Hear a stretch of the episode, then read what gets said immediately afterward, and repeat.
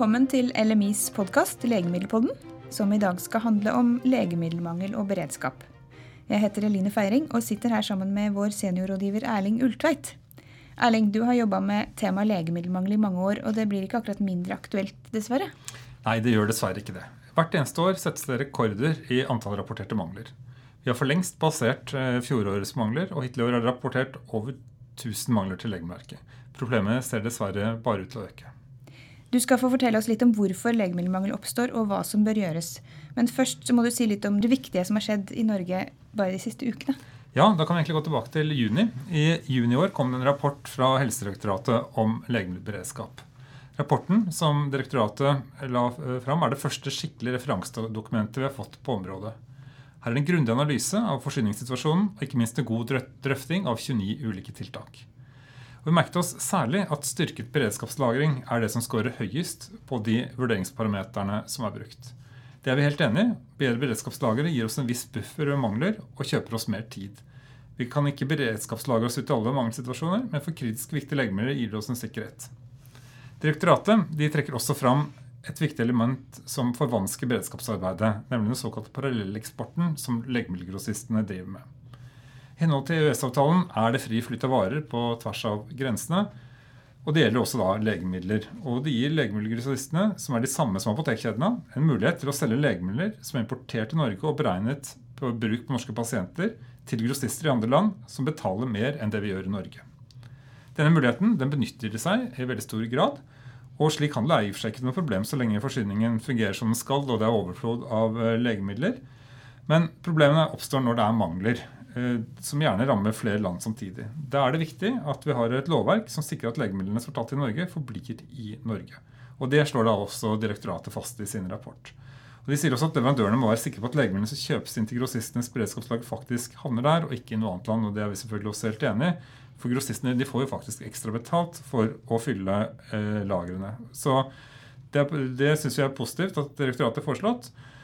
Og så uh, syns vi også det er positivt uh, det at uh, de også har foreslått at myndighetene får innsyn i lagerbeholdningen hos grossist og apotek. Det har de ikke i dag. Og så Det som er fint, det er jo at direktoratets rapport er fulgt opp nå av Helse- og omsorgsdepartementet. Det kom et lovforslag, og de tingene jeg nevnte nå, de er tatt med. Det foreslås at, HOD, at Helsedepartementet får et hjemmelsgrunnlag for å kunne pålegge apotek og grossister restriksjoner ved utlevering og salg og parallelleksport av legemiddel ved fare for eller etablert mangelsituasjon. Så da tar de altså med det forslaget fra direktoratet og tar det et hakk videre.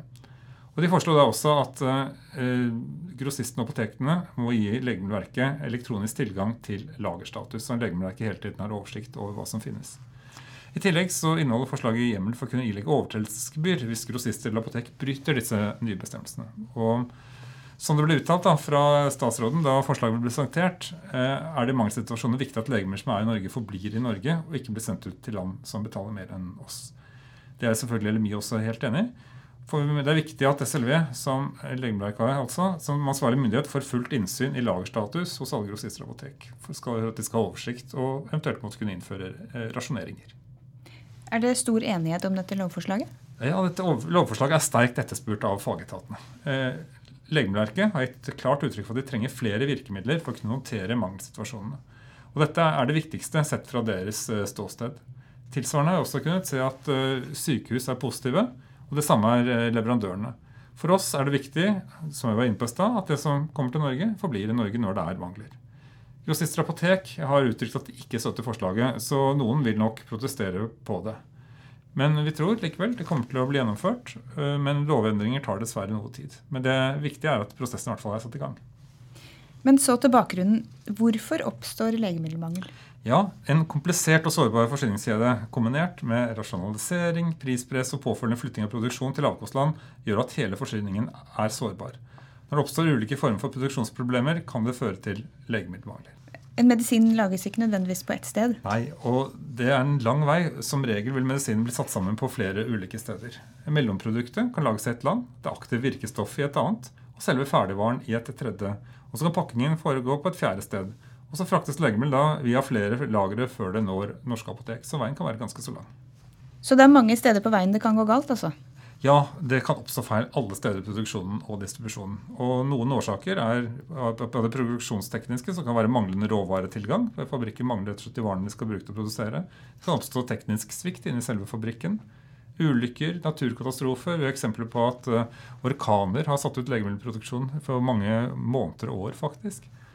Og så får man forurensning i produksjonen. altså at eh, man, Det har skjedd feil i produksjonen. Fabrikker kan bli stengt. I Asia spesielt er det, er det et problem. Og så har det da flytting og sentralisering som har vært inne på, av produksjon til lavkostland. Og flytter man produksjon, så er man ofte litt sårbar for eh, mangler, særlig i overgangsfasen. Så er det logistikkproblemer underveis til fabrikker, videre til grossister, til apotek osv. Så kan det også være det at det får en uventet økt etterspørsel. At plutselig er det selger legemidler mer enn forventet. Og for Norge produserer man ikke så ofte. og Det tar litt tid før man setter i gang. Og det kan også være flere andre land også at legemidler selger mer.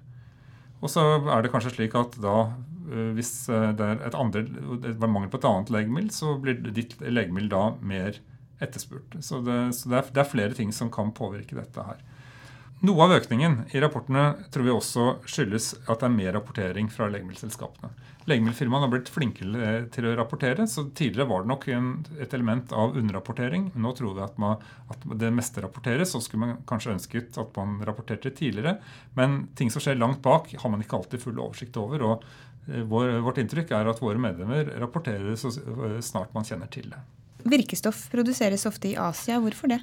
Jo, det er Eh, slik at Manglende inntjening på eldre legemidler og Det er veldig ofte eldre legemidler vi snakker om når det er mangler. Det er de eldste legemidlene med lavest prisnivå som ofte er ut, mest utsatt for uh, mangler.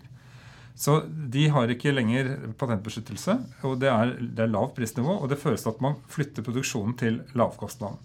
Det er altså stort sett produksjonskostnadsmessige årsaker til det, kombinert med at eldre legemidler stort sett selges til lavere priser. Hvem taper på legemiddelmangel, bortsett fra åpenbart pasientene? Ja, det er jo også uh, slik at når det er mangler, så forsøker man jo å finne alternativer til pasientene. Det kan være andre legemidler som inneholder det samme, eller det kan være andre styrker eller pakninger. Produsentene, altså leverandørene til Norge, de klarer også en del ganger å skaffe utenlandske pakninger fra sine lagre i Europa. Og da kan man som sagt vinne på at Man produserer kanskje for Norge bare en liten tid, men det, kanskje er det noen andre lands pakninger man da kan bruke. Er det mulig, vil myndighetene gjerne se om vi kan bruke de utenlandske pakningene. Og eventuelt så må de anbefale legene å endre behandling. Det er altså mange grep som tas for at pasientene eh, skal bli så lite rammet som mulig, men noen ganger rammes dessverre pasientene. Men er ikke, de er ikke de eneste som taper på det. For en produsent innebærer mangel tapt salg. Ikke bare Det det er også slik at man kan være forpliktet av avtaler om å levere legemidler. og Hvis man da ikke oppfyller de avtaleforpliktelsene, så kan man også komme i et erstatningsansvar. Så for produsent så er det et, er et betydelig tap knyttet til å ikke kunne levere legemidler. Mm. Et litt rart spørsmål kanskje, men er en mangel alltid en mangel? Ja, Det skulle man kanskje tro, men det er slik at produsentene er i henhold til norsk lovverk de pålagte pålagt å varsle om kommende mangler så snart de kjenner til at det kan oppstå forsyningsproblemer. Og Det, det, det vi skal på er avbrudd i forsyningen. Altså Kjenner man til at det oppstår avbrudd i normale forsyninger, så skal man melde. Og så er det slik at det ikke alltid slike avbrudd ender opp som rent faktiske mangler som får pasientkonsekvenser. Så av de godt over 1000 rapportene vi har fått nå, så er det ikke alt som er kanskje eh, reelle mangler. Og heldigvis bare et fåtall av dem vil sannsynligvis få direkte pasientkonsekvenser. Du har allerede vært inne på en del som kan gjøres for å unngå legemiddelmangel, men er det mer som bør gjøres? Jo, rot, rotårsaken det er viktig å si først, at rotårsaken til mangelen er i de fleste tilfellene utlandet. Så det vi må gjøre i Norge, er egentlig å begrense konsekvensene. Og kanskje også forebygge konsekvensene. Vi har vært inne på dette med beredskapslager, at det er viktig å, å styrke dem.